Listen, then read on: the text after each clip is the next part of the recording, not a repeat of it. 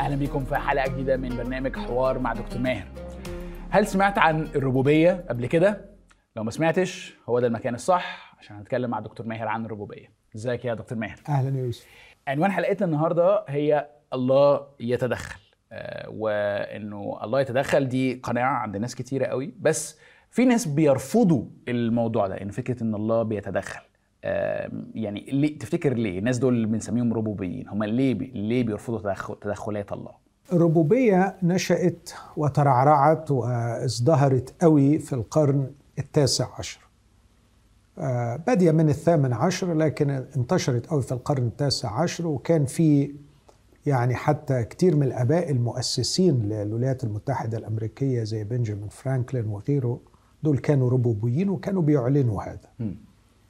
مم. أقدر أقول إنه التحليل الثقافي آه، للواقع في ذلك الوقت أدى إلى هذا ال- الوقت ده كان وقت ال- الثورة والنهضة العلمية آه، غير المسبوقة في التاريخ البشري نجاح في كل شيء نجاح في الاكتشافات الجغرافية نجاح في العلم نجاح في الفيزيكس نجاح في النظريات البيولوجية الجديدة ايفن حتى الفلسفة كانت بتتقدم في ذلك الوقت.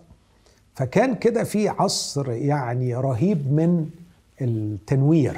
هو سموه عصر التنوير. صح. مع وجود عصر التنوير آه، بقي في زي الصراع ما بين آه، الأدلة التي الأدلة العقلية التي تؤكد وجود الله قوية. مم. ومن الصعب على العقول المفكرة الفذة أنها ترفض وجود خالق. وفي نفس الوقت عندهم رغبة شديدة في تأليه الإنسان.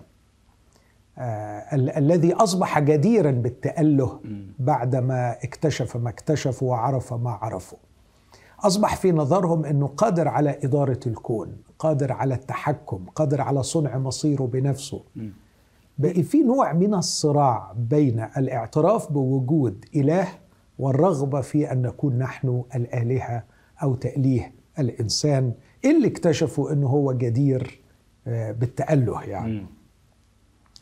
النجاح الباهر في العلم والاكتشافات والتكنولوجي ادت الإنسان آه، شعور كده خفي بإنه have things under control. آه، كله. تحت السيطرة يعني. بالظبط. تقدر تقول قدمت آه، وجبة آه، خلينا نقول دم للحيوان الشرس اللي بتستثار شهوته كل ما يشوف الدم. مم. فإحنا جوانا الرغبة الكامنة الموروثة في التأله أوكي. بس شبعت بالإنجازات العلمية الكبيرة التي حدثت في القرن التاسع عشر. الخلاصة اللي بيقولوها إنه آه ما نقدرش ننكر إن في إله لكن هذا الإله زي بالظبط صانع الساعة اللي صمم الساعة وحط التروس كلها بشكل مضبوط وضبط الإيقاع وسابها. وهي ماشية لوحديها دلوقتي. فإحنا مثلا عمرنا ما شفنا تفاحة بتقع لفوق ولا عمرنا شفنا ورقة تتحط في النار ما تتحرقش ولا شفنا الزمن بيرجع لورا فالقوانين التي تحكم حركة الخليقة ثابتة لا تغيير فيها. ففكرة إن في معجزة وإن الله يتدخل وإنه ننتظر تدخله ده كلام آه، غير علمي وغير حقيقي. آه، الربوبية يوجد رب خلق العالم لكنه تركه ولم يعد يتدخل فيه. بس يعني هل هي دافعها فقط إنه إحنا مش عايزين ربنا يتدخل؟ يعني أنا ليه بسألك السؤال ده؟ لأن أنا في قراءاتي كنت بشوف إنه ناس كتيرة منهم بيشوفوا إنه تدخل الله لو لو رسمت صورة عن الله إنه خلق العالم وبعدين يحتاج من كل حين إلى آخر أن يتدخل ويعمل حدث معجزي يعمل حاجة كده دي تقليل منه. آه زي فكر فيها كده آه يعني هنري فورد اللي عمل العربية عملها لك بحيث إنها تمشي شوية بس كل شوية لازم تكلمه في التليفون يجي لك يصلح لك حاجة في الموتور أو يكارك لك ال- البريمة علشان تكمل آه تشتغل. آه فهم مش عايزين الصورة دي لأ. ال- الله البنت البنتوكراتور العبقري اللي حط كل القوانين ولا يحتاج للتدخلات الصغيره فكأنه نوع من مش عايز أقول تعظيم لله بس يعني آه، الله لا يحتاج لهذه التدخلات يعني. بص يا يوسف اللي بتقوله ده طبعة حديثة من الربوبية. يعني. الربوبية في طبعتها الأولى ما بتقولش مش مش حريصة على تعظيم الله يعني أو أيوة، على صورة الله لأنه واحدة من أساسياتها أن الله لا يمكن أن يعرف. الربوبية بما أن الله خلق الكون وابتعد عنه فحتى فكرة معرفته أنت ما تقدرش تعرفه صح. فكل بقى التكشف والتكلم كل بقى المفاهيم كلام. المسيحية دي مش موجودة. مش موجود أوكي. فهو حالة من تكريس الاستقلال عن الله دون احتقار الدليل العقلي علشان ما احطش روحي في موقف سيء اللي بيؤكد وجود الله؟ طب ليه حد النهارده بقى ممكن يبقى ربوبي؟ نفس ال ال الأهداف. مم. بس الحقيقة الربوبية اهتزت بعنف ولو تلاحظ إنه ما فيش النهارده مدافعين عن الربوبية. صح. اهتزت بعنف بالقرن العشرين. أول ما دخلنا القرن العشرين داخلين بهذا التفاؤل الرهيب بقى العلم والتقدم والفلسفة والتكنولوجي و و و. ودخلوا للقرن العشرين تحت عبادة الإنسان الإله بقى اللي هيعمل كل حاجة. ومعانا المنطق هو آه، حل كل المشاكل ومعانا العلم هو مفتاح كل الأسرار. فوجئنا أنه من أول بداية القرن من 1914 بدأت الحرب العالمية الأولى بعدها بدأت البوادر بتاعت النازية بعدها بدأت الحرب العالمية الثانية وبعدين ابتدى العالم يشوف ستالين ويشوف آه، ماوتسي ماو وبعدين ابتدى يشوف هتلر واللي عمله وبعدين ابتدينا نشوف الإبادة العرقية الرهيبة في أماكن كتيرة وبعدين شفنا القنبلة النووية. فإيه ده؟ اتصدم ال- العالم صدمة عنيفة جدا في فكرة الإنسان اللي بيتأله. إنه هو القادر على حل المشاكل. اكتشفوا إن الإنسان فعلا كائن فاسد ويدمر هذا الكون. ليس الكائن اللي هم بيعشموا إنه يكون بيحل مشاكل الكون. أوكي. وهل النتيجة بقى دلوقتي إنه الموقف اللي بيحاول يبقى كأنه موقف وسطي ما بين الإيمان والإلحاد تلاشى وبقى هما دول الموقفين ال dominant يعني أو المسيطرين؟ آه يعني تقدر تقول يا إما تقبل الإلحاد زي برتراند راسل مثلا. برتراند راسل كتب في النصف الثاني من القرن العشرين بيقر بالواقع المؤلم بقى زي سارتر مثلا زي ألبرت كامو. الناس دي خلاص أقرت بالواقع المأساوي اللي بيسموه المأزق البشري وإنه ليس لدينا إلا أن نبني حياتنا على صخر اليأس الذي لا يلين. يعني ده كلام آه، برتراند راسل. فخلاص لا أمل لا خطة لا غرض لا معنى لا لا لا, لا هو الالحاد وده الإلحاد إنه ما فيش حاجة اسمه إن في ساعة واتحطت والتروس والقوانين والكلام ده هي دي كلها حاجات تطورت كده وهتنتهي مبتلعة في ثقب أسود. فالإلحاد بتشاؤمه هو اللي ساد أو بقى الإيمان اللي بيؤكد على يعني لو هتؤمن بالله بقى خلاص يبقى اديله بقى يعني الأحقية وهكذا. طيب بالظبط. يعني أكيد. عايز بس قبل ما. يسيب النقطة دي يعني أنصح بقراءة أولاد حارتنا. لأنه في أولاد حارتنا آه، كان الفكر ده موجود شوية اللي حب الأديب المبدع أنه يعكسه انعزال الجبلاوي في قصره. فكرة أنه أنه هو هو المصدر للحارة بس هو فين؟ مش موجود. هو منعزل في الجبل بتاعه. على الجبل وعشان كده سماه الجبلاوي. أوكي. وبعدين برضو لو تلاحظ إن اللي تسبب في موت الجبلاوي هو عرفة اللي بيشار إليه في الرواية بالعلم معرفة والعلم. فالفكرة نفسها كانت موجودة. بس نجيب محفوظ أبدع انه ورانا في النهاية إنه عرفة نفسه سبب مشكلة للحارة مش حل مشاكلها. فهو أن- ال- ال- الذين أتوا قبله والذين زعموا بأنه ما يحلوا مشاكل وما حدش حل حاجة. عرفه كمان ما حلش حاجة وأعتقد إن ده حصل لأنه نجيب محفوظ كتب الرواية دي 59 1959 اللي كان بقى بانت فيه مساوئ ال- الإنسان وبانت فيه الكوارث اللي حصلت في القرن العشرين. أوكي. واضح ان حضرتك أكيد مش ربوبي. أنت راجل أنت شخص مفكر مسيحي تؤمن مش بس بوجود الله وإن الله أساس الوجود زي ما اتكلمنا في أول حلقة خالص في الموسم بس إن الله يتدخل أوكي؟ إن الله acts الله بيعمل الآن وبيعمل بطريقة إحنا نقدر نميزها عن المجريات الطبيعية المتوقعة للأمور. وعايز أقول إيه؟ ده ده في دماغي كان هدف الحلقة دي.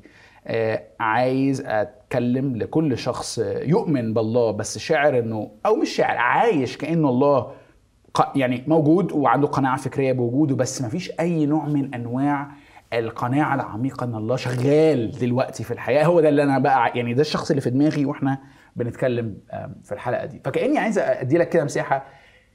عرفت منين إن الله بيتدخل؟ خليني أقول آه، إن الله مش بس بيتدخل الله في أقصى حالات نشاطه الالهي أقصى حالات نشاطه الالهي الله آه، طبقا للقديس أثناسيوس آه، ما يتكلمش عن الله بصيغة النون بصيغة الاسم لكن دايما يتكلم عن الله بصيغة الفاعل الفعل اللي بيفعل بيفعل بيفعل. فالله يفعل. وأنا من وجهة نظري لما بتأمل آه، ال- الواقع بالنظرة المسيحية للعالم بالكريستيان مايند يعني ال- العقل المسيحي اللي تكون ليا من الكتاب المقدس. ولما بشوف خبرتي الشخصية وخبرتي أيضا مع المسيحيين الذين ألتقي بيهم وحتى خبرتي مع غير المسيحيين أنا بشوف إن الله آه، مش بس متدخل لكن في أقصى حالات النشاط. بشرط إن إحنا نفهم آه، ما هو مجال ظهور نشاط الله. أنا آه، رأيي أن مجال ظهور نشاط الله أنه يخلق الإنسان. يخلق الإنسان. الإنسان ليس كائن آه، يعني مكتمل. لكن الإنسان مشروع. وانسنه هذا الكائن هي مشروع الله الأعظم. يتداخل في حياة البشر راغبا في إقامة علاقة مع كل كائن عاقل مع كل فرد بشري.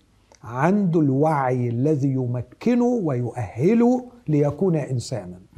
الله يبحث عن هؤلاء باجتهاد شديد وبحركة دائبة لا تهدأ لا ليل ولا نهار لا في الصحة ولا في المرض عند البشر لا في ال... باستمرار الله متداخل لكي يدخل في علاقة مع الإنسان من العلاقة مع البشر. من خلالها يؤنسن هذا الكائن. فأنا دايما أقول الإنسانية هبة روحية وليس تطور بيولوجي. آه، الكائن البشري مؤهل بيولوجيا مؤهل نفسيا إنه يبقى إنسان لكنه ليس إنسان مكتمل. والله يبحث عنه باستمرار راغبا في أن يؤنسنه من خلال الدخول في علاقة معه. ده أكبر مجال ونشاط إلهي. مش إنه يعمل قوانين الجاذبية وإنه يحفظ الأفلاك في مداراتها كل دي قائمة بكلمة الله. يعني يقول بالإيمان نفهم أن العالمين أتقنت بكلمة الله. هو الحامل لكل الأشياء بكلمة قدرته. هو أراد فصارت هو قال فكان أمر فصار. فلما تتكلم عن الخليقة المادية آه ممكن الله يكون عملها وخلق لها قوانينها وخلاص لكن الله إله علاقاتي يريد قمة مشروعه مش الشمس والقمر والنجوم والأرض والبحار والمحيطات. قمة مشروع الإلهي هو الإنسان والإنسان ما زال في طور الخلق ولذلك الله نشط ومتداخل لكي يخلق الإنسان. أوكي.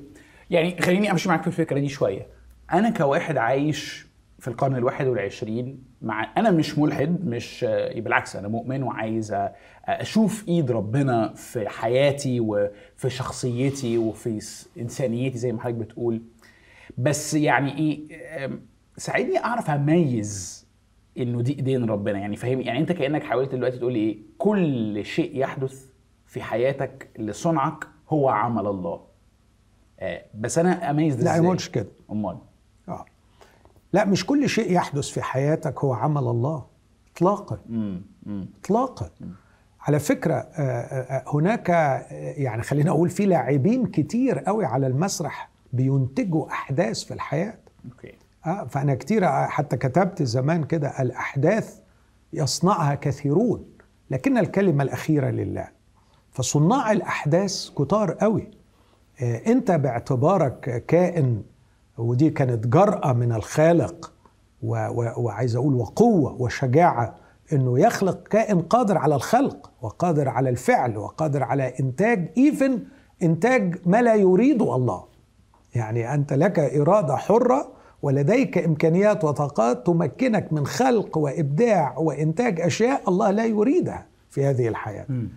ده وكمان أنا كشخص مسيحي عقله تكون بالكتاب المقدس أؤمن إن في كائنات عاقلة أخرى في هذا الكون ومتمرده على الله وتنتج أحداث كثيرة في في العالم.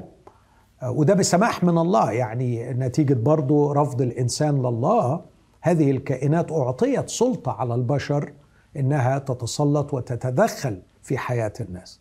فالأحداث الحادثة في العالم لها صناع كثيرون وليس الله مسؤول عنها كلها. وإن كان مسؤولا عن الارادات الحرة التي صنعها. وإن كان لا يمكن أن تكون حرياتهم على حساب حرية الله إن هو ما يقدرش يعمل اللي هو عايزه. لكن في نفس الوقت بيعملوا اللي هم عايزينه والله شايف ومسيطر على هذا كله. فأنا ما بقولش إن كل اللي بيحصل تدخلات الله. لكن بقول إنه الزمن اللي إحنا فيه هو أروع فرصة لاختبار النشاط الإلهي وتدخل الله لانسانتك لجعلك إنسان. فلو أنت ناوي إنك تكون إنسان وده غرضك مش إنك تكون إله مش إنك تتأله. ولاحظ الماجوريتي بتاعت الناس مش واخدة بالها من الحكاية دي انهم ماشيين في سكة التأله إنه عايز يبقى الله. وحتى تدينه تدينه هو مجرد محاولة لاستعمال الله لكي يتأله. لا أنا مش فاهم دي. أنا مرات كتير أقول الملحد أفضل من المتدين لأن الملحد ينكر وجود الله المتدين يحاول استعمال الله يحاول استعمال الله لكتابة قصته لفرض سيطرته لإنجاز مخططه هو شاعر بمحدوديته فمحتاج قوة كبيرة يستقطبها إلى صفه علشان يقدر ينجز بيها اللي هو عايزه والوسيلة هي التدين آه فأنا ما عنديش كنترول ما عنديش. تحكم في ظروفي بس ربنا عنده تحكم في الظروف والطريقة اللي أنا بيها اتحكم في الظروف هو ان أنا أتحكم. في ربنا بإن أنا أصلي أديله اللي هو عايزه. أدي اللي هو عايزه. Yeah. فهي محاولة السيطرة على المسيطر. امم لكي أنجز ما ده نوع من اريد الوثنية يعني كده. هي آه يعني هو تأله. امم الرغبة القديمة اللي المسيحية بتقولها إن إحنا استجبنا لهذه الدعوة تكونان كالله. لو أنت لأ أنت رافض التأله. وتريد أن تكون إنسانا أنت بتفتح الباب على مصراعيه لاختبار ورؤية التدخلات الإلهية في حياتك. أيوه ما ده, ده اللي أنا بقى عايز أقول. إزاي أبقى نوع الشخص اللي في حياتي لو أنا ماشي في الشارع وأنا رايح الشغل وأنا بلعب مع ابني أميز يد الله تعمل؟ حلو قوي إنك قلت وأنا بلعب مع ابني وأنا رايح الشغل وأنا بسوق عربيتي. أميز يد الله. لاحظ لعبك مع ابنك ومروحك الشغل وسواقة عربيتك مش الله اللي عمله امم ومش الله اللي بيحركك فيهم. لكن الله يعمل them. امم مش بيعملهم لكن يعمل فيهم. أوكي. فالله فعلا أعطاك حرية الإرادة وبيخليك تتفكر بحرية وتفعل بحرية. وأعطى كائنات أخرى ووضع قوانين للطبيعة وكل يفعل فعله طبقا للطاقة التي أودعها الله في هذه الأشياء. الشمس الله أودع قوانينها وأودعها طاقتها. فالشمس عمالة تشرق كل صباح. كل ثانية بيحدث آه، انفجار في 650 مليون طن هيدروجين. كل ثانية 650 مليون طن هيدروجين علشان تتحول قنابل نوويه تتحول ل 600 مليون طن هيليوم والفارق ال 50 مليون طن كل ثانية هي النور والحرارة اللي إحنا عايشين بيها. فالله وضع هذه القوانين وهي شغالة. لكن وهي شغالة وانت شغال؟ الله is working in في كل ده. فكرة إن الله عمل الشمس عمل وخلص. صح. وعملك أنت بإرادة حرة وعملك وخلص. لكن وانت بتعمل والشمس بتنير والحياة ماشية الله is working إن بيعمل في كل هذا علشان يأنسنك إذا رغبت. فوانت بتلعب مع ابنك أنا دايما أقول حياة الصلاة هي فعل غاضب متمرد على الاستقلالية عن الله. أنا بغضب وبتمرد على فكرة الاستقلال عن الله. فأنا عايز إذا شعرت أسكب مشاعري أمامه. وإذا فكرت أناقش أفكاري معه. وإذا فعلت أطلب يده أن تفعل معي. هذه هي حياة الصلاة. وهنا أفتح الباب للتدخلات الإلهية. فأنا بسكب مشاعري معاه فيقول لي ماهر مشاعر دي فيها مرارة زيادة. مش صحيحة. وألاقي نفسي براجع نفسي من جهة مشاعري أميز إن ده تدخل إلهي. أناقش الفكرة مع الله.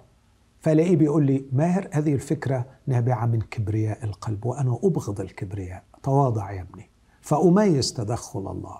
وأريد أن أفعل فعل. فأقول له يا رب لتكن يدك معي. لا أريد أن أفعل هذا الفعل بمفردي. فأكتشف أن هذا الفعل قد أثر أضعاف وبطريقة مختلفة عن التأثير لو كنت فعلته بمفردي. حتى في الأمور البسيطة زي اللعب مثلا. أو أقول لك على أبسط الأشياء. أن أخرج من بيتي لأني نسيت شيء في السيارة طالع أجيب أيوة. حاجة أيوة. أيوة. من السيارة أنا دايما. كده آه. وأنا طالع يقابلني شخص يسلم عليا يسألني سؤال أجاوبه بعد فترة طويلة يقول لي الإجابة دي فرقت في حياتي وصلحت حاجة في أسرتي حتى حركتي البسيطة إني أخرج لأني طالب أن تكون يده معي في كل شيء الله يستغل ويعمل في كل شيء أعمله. فبالطريقة دي أقدر أميز تدخلات الله في حياتي لدرجة أن الرسول بيقول إن أكلنا أو شربنا أو فعلنا أي شيء ففعلوا كل شيء. باسم الرب يسوع لمجد الله الاب أوكي. هل زي السيناريو اللي حضرتك شرحته ده ده اللي أنت ساعات بتتكلم عنه في عظاتك اللي هي أعمال العناية الإلهية هل دي هي هي؟ آه، دي أ- ادق شوية من أعمال العناية الإلهية. أعمال العناية الإلهية أنا بقصد بيها آه، سلطان الله ككاتب القصة الذي يجعل من مفردات الأشياء حكاية يجعل لها معنى. أوكي. أعمال العناية الإلهية ماشية شوية نحو إنجاز آه، المخطط الإلهي من جهة حياتي. نحو آه، كتابة ال- الفصول التي تكمل القصة لكي تكون القصة لها معنى في النهاية. أوكي. لكن يمكن اللي قصدته دلوقتي هو روح الصلاة وعيشة الكائن المصلي اللي تفتح الباب لتدخلات الله في أبسط الأشياء حتى الأكل والشرب. أوكي. حلو قوي طيب خليني يعني أنتقل في الحديث لقسم تاني تحت نفس ال- العنوان. يعني عمرنا ما نقدر نتكلم عن الله يتدخل من غير ما نجيب سيرة المعجزات أو اللي يعني في العالم الفلسفي النهارده في ال philosophy of religion يقول بيسم بيميزوا ما بين حاجة بيسموها التدخل العام والتدخل الخاص general intervention وال special intervention general intervention إنه العالم ده ما بيفناش دلوقتي لأن الله حافظه وحامله وكل حاجة بتحصل زي مثلا اللي حضرتك شرحته عن الهيدروجين والهيليوم آه هي تصميم الله بس هي مش مجرد تروس شغالة بس لا. هو كأنه بروحه يحفظ هذه الأشياء. بكلماته. بكلماتي ده actually أفضل. آه، يحفظ هذه الأشياء آه، لأنك بتشتغل. خلقت كل الأشياء وهي بإرادتك كائنة. امم مش يعني فيها present حاجة. continuing حاجة مكملة. أوكي لكن ال special intervention بقى هي الأعمال المعجزية الخاصة التي يعني إيه ما أعرفش بقى تظهر قوة الله أو تعمل حاجة معينة. فخليني أدي لك كده حتة يعني ساعات بشوفها كتير. بلاقي كتير قوي من اللي بيسموهم المدافعين عن المسيحية apologists اللي أنا بحبهم وبعتبر نفسي منهم يعني. بيستميتوا للدفاع عن حقية الله في التدخل وإمكانية الأعمال المعجزية ويدحض بقى أي حجة ضد مثلا آم، أي حاجة ضد إمكانية هيوم. المعجزات الفيلسوف ديفيد هيوم والكلام ده اللي هو كان بيحاول يقول إنه مفيش حاجة اسمها معجزات وهكذا. تمام تمام. ليه؟ ليه بيعملوا كده؟ علشان الكتاب المقدس مليان بالقصص والادعاءات عن المعجزات. بالعكس إحنا كمسيحيين أصلا مبني مبني كل الإيمان بتاعنا على معجزة تاريخية حصلت في وقت ومكان معين ألا وهي قيامة المسيح وده اللي الرسول بولس قاله صحيح. إنه إيه؟ إن لم يقم المسيح إيه باطل إيمانكم. تمام. اطلع بره الكتاب المقدس وكتير بقى من الابولوجيستس دول ياخدوا خطوة لورا. أي حد يدعي النهارده يقول إنه يا جماعة في حد خف في حد حصل له معجزة في حد ربنا تدخل معاه تلاقيهم لا لا لا لا يعني هم ما بيقولوهاش بصراحة إنه لا دي مش معجزة بس كأنه إيه في استماتة في الدفاع عن إمكانية المعجزات بس ما خارج الكتاب المقدس بلاش. كأنهم بيرجعوا من غير ما بيقصدوا إن هم يبقوا ربوبيين في الحتة دي يعني. فاهم فاهم قصدي؟ يعني يعني. فإيه بس؟ أنت مستني السؤال. آه. آه أنت مستني السؤال. السؤال هو أنا مش عايز أبقى زي الناس دي. أنا عايز still أقول إنه لا على فكرة ربنا يقدر يعمل بعض ال special interventions معرفش إمتى معرفش ليه. بس بخاف من إني أبقى سوري ساذج أقبل أي حاجة تتقال لأني عارف إنه في أكيد نوع من المبالغة وعد وسوء الفهم كتير. بس في نفس الوقت مش عايز أبقى رجوبي يعني. فاهمني يعني دايما في تطرفين دايما يس دايما يعني. آه. أعتقد إنه الناس دول لأنه عندهم آه، عقول نقدية اشتغلت على نقد الهجوم على الإيمان المسيحي ما قدروش يعطلوا عقلهم النقدي في فحص وتحليل ما يجري تحت اسم المسيح وما يقال عنه أنه معجزات وهو ليس هكذا وهذا يعني ليس بقليل في الدوائر المسيحية. Yeah. فإحنا شفنا كتير كوارث في داخل المسيحية من ادعاءات بأعمال معجزية وأعمال شفاء وكان الحقيقة كله في النهاية آه، تجارة و business يتاجروا بآلام المسحوقين والمتألمين. و... و... وناتج عن جهل وهنا كطبيب نفسي أعطي الحق إني أتكلم بثقة في هذا الأمر. الجهل بما نسميه إحنا ال dissociative reactions أو ال psychosomatic disorders إنه عندنا أمراض كتيرة جدا موجودة في الجسم آه، مثلا حتى بن آه، بيعملوا إحصائيات آه، كم percent من اللي بيدخلوا عيادة القلب حاجات نفسية كم percent من اللي بيدخلوا عيادة النساء حاجات نفسية. يعني تصل أحيانا إلى 55 و65% من عدد العيانين اللي داخلين عيادة معينة.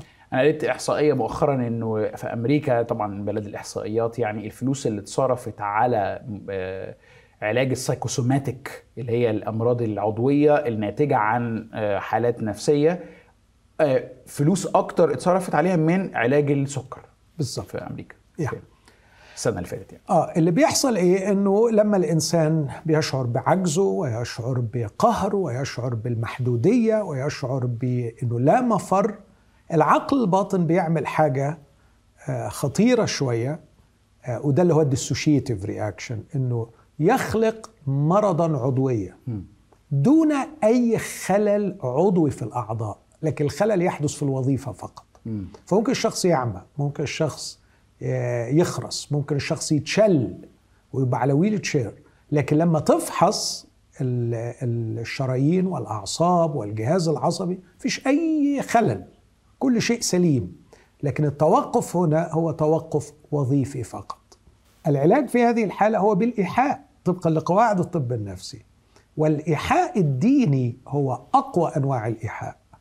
فعلشان كده الناس دي لما بتشغل عقلها النقدي وبتفحص الحالات دي آه، بتضطر إنها تقول إن ده ما بيحصلش. لكن أتحدى بقى إن في حد من الابولوجيستس اللي أنت أشرت إليهم لو أنت سألته سؤال مباشر وقلت له ألا يوجد تدخل إلهي معجزي في حياتك؟ مستحيل يقول لك لا ما حصلش. لا ما حصلش ما يبقاش مسيحي. صح صح. بس لو قعدت أسأله إيه بقى هي تدخلات المعجزات هيفضل بقى يحكي لي حاجات بسيطة صغيرة يعني اللي ما اللي هي لا تسمى معجزة، يعني خليني أشرحها لك sorry بطريقة آه، ممكن تبقى طفولية شوية. في فيلم أطفال اسمه The Incredibles okay Disney عملته. هو كرتون يعني 3D.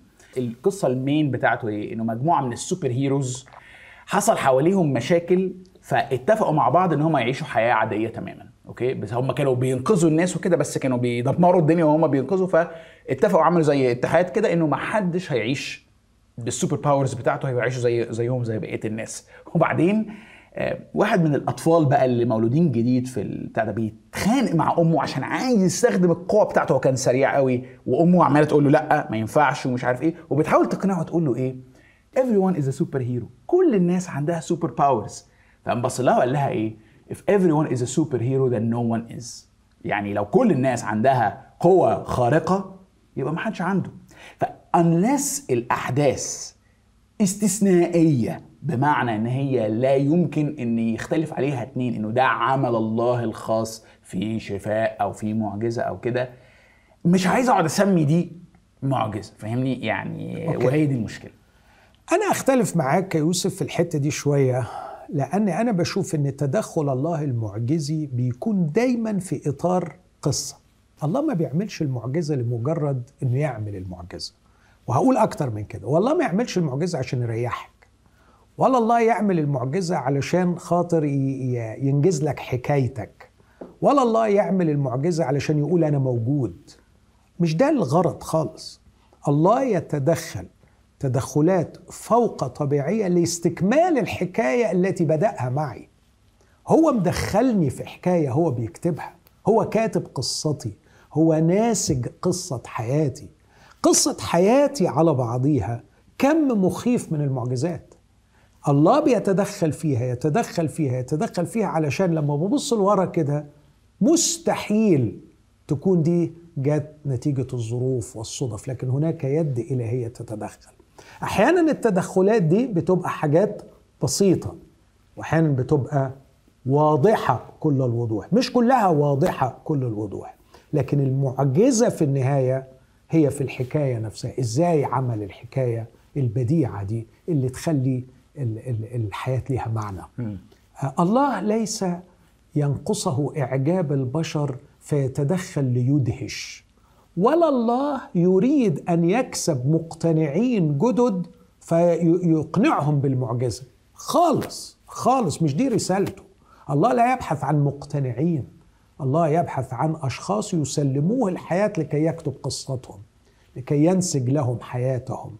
وإذا سلموه الحياة يعني أتذكر ابني لما رجع لربنا من الإلحاد كان ليه صلوة جميلة أصلاها معايا لغاية دلوقتي بتؤثر فيا.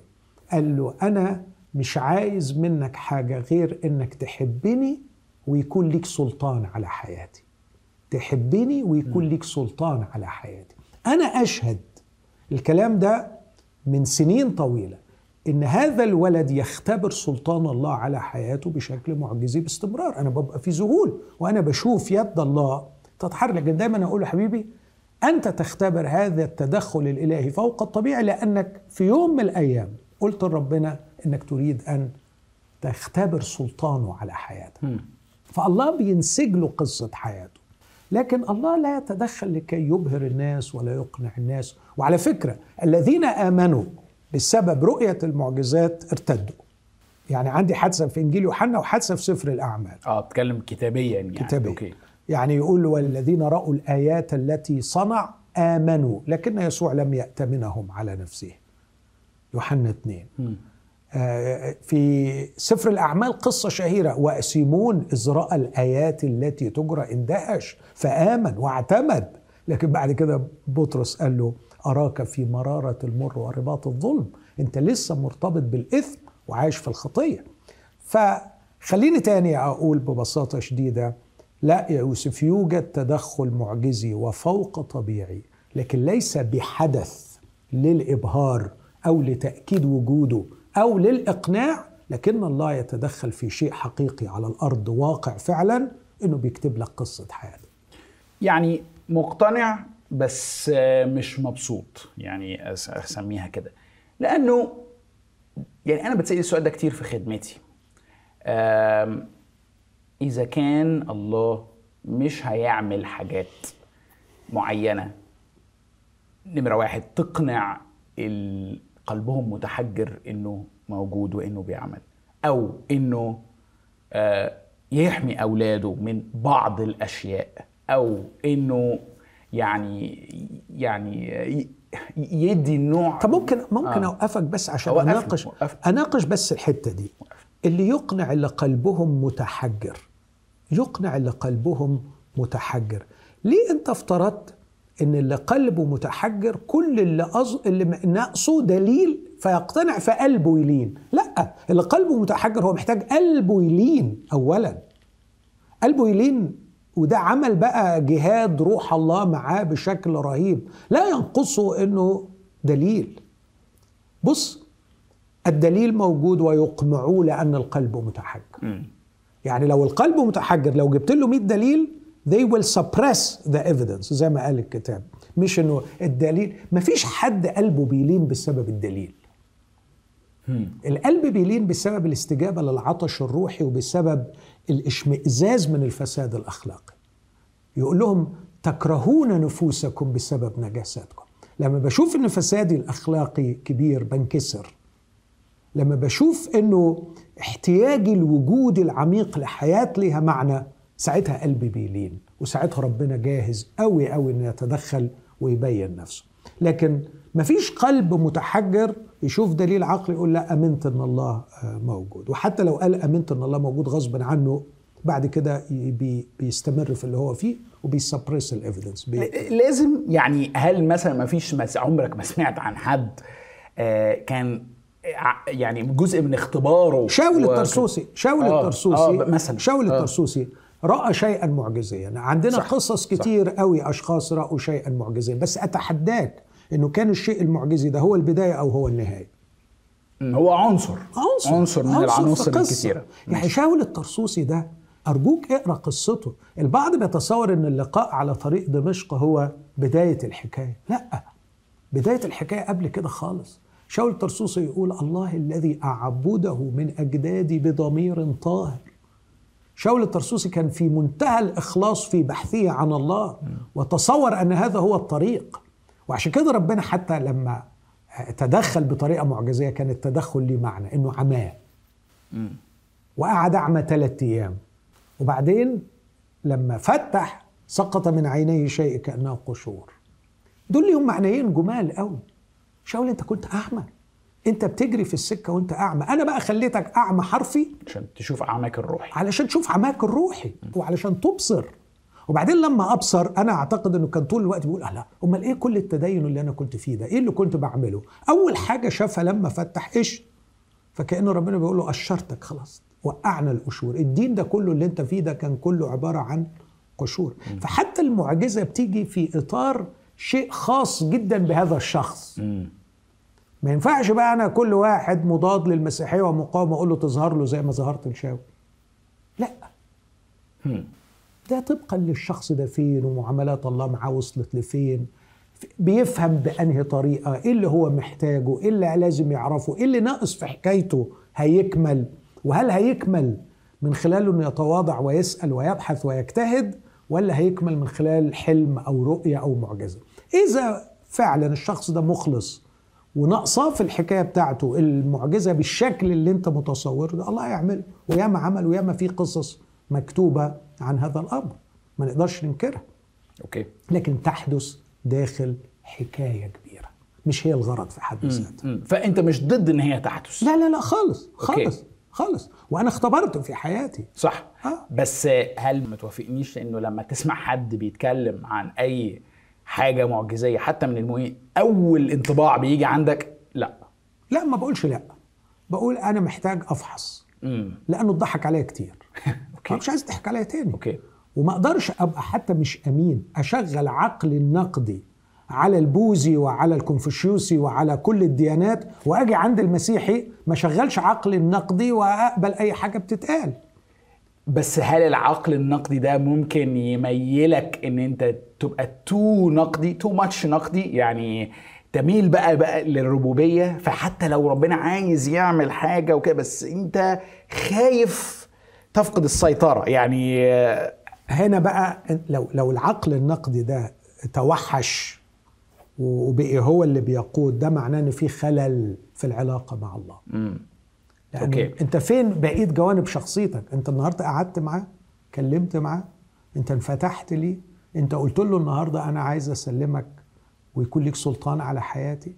أوكي. هل الحديث ده شغال؟ هل اللي أنا قلته من شوية أشعر معه وأفكر معه وأفعل معه ده موجود.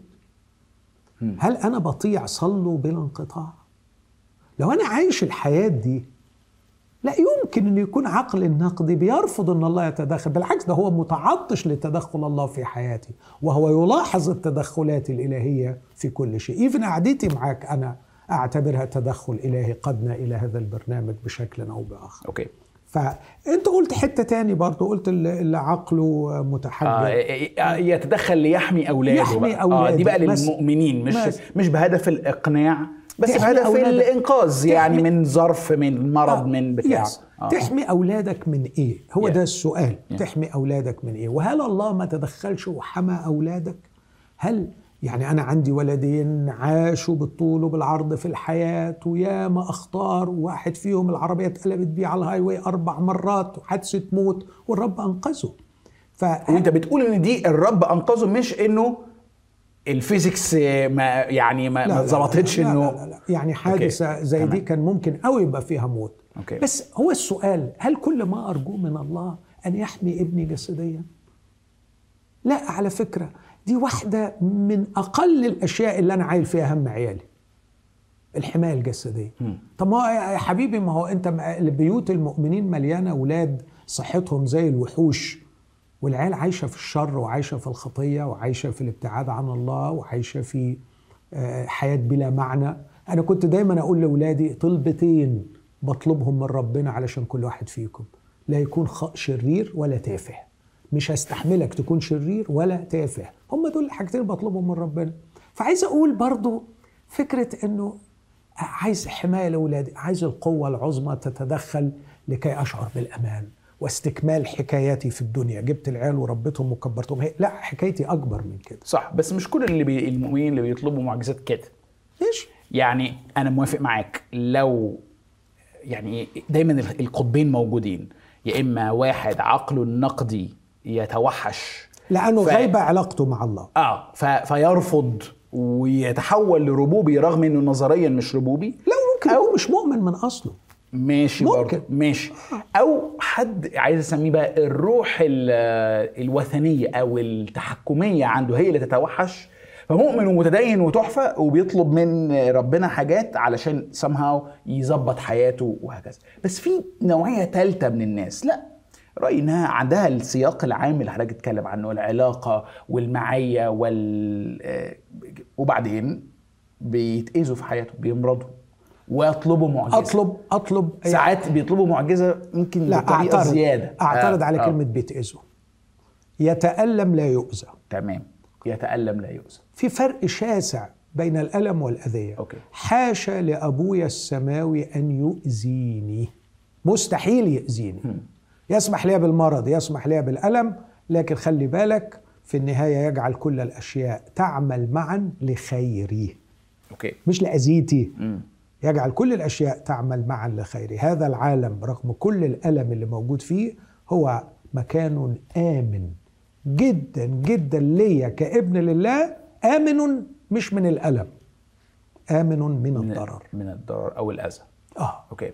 فأنا أعيش في هذا العالم تحت رعاية أبويا السماوي ضمن لي فيه الحماية من الضرر وإن كان لم يضمن الحماية من الألم. okay بس السؤال بقى اللي أنا بسأله إنه في مجموعة من المؤمنين لا أنا ما عنديش شك في نقاء إيمانهم وعمق علاقتهم مع الله ولكن يعني يترجون معجز في حياتهم معجزة مادية جسدية لشيء معين معين. بيترجع علشان إيه؟ لكي يستكمل القصة كما يريدها هو. هو شايف إن القصة مش هتستكمل إلا بالمعجزة دي. والله عنده حكاية تاني خالص عايز يكتبها في حياتك. السؤال بقى أنت هتصر على إنك أنت تبقى ال author اللي بتكتب الحكاية ولا تسيبه هو؟ فتطلب وت... وتسيبه هو يقرر هيعمل ولا طبعا هيعمل. طبعا. okay. وهو أحسن مني مليون مرة وفاهم أحسن مني مليون مرة.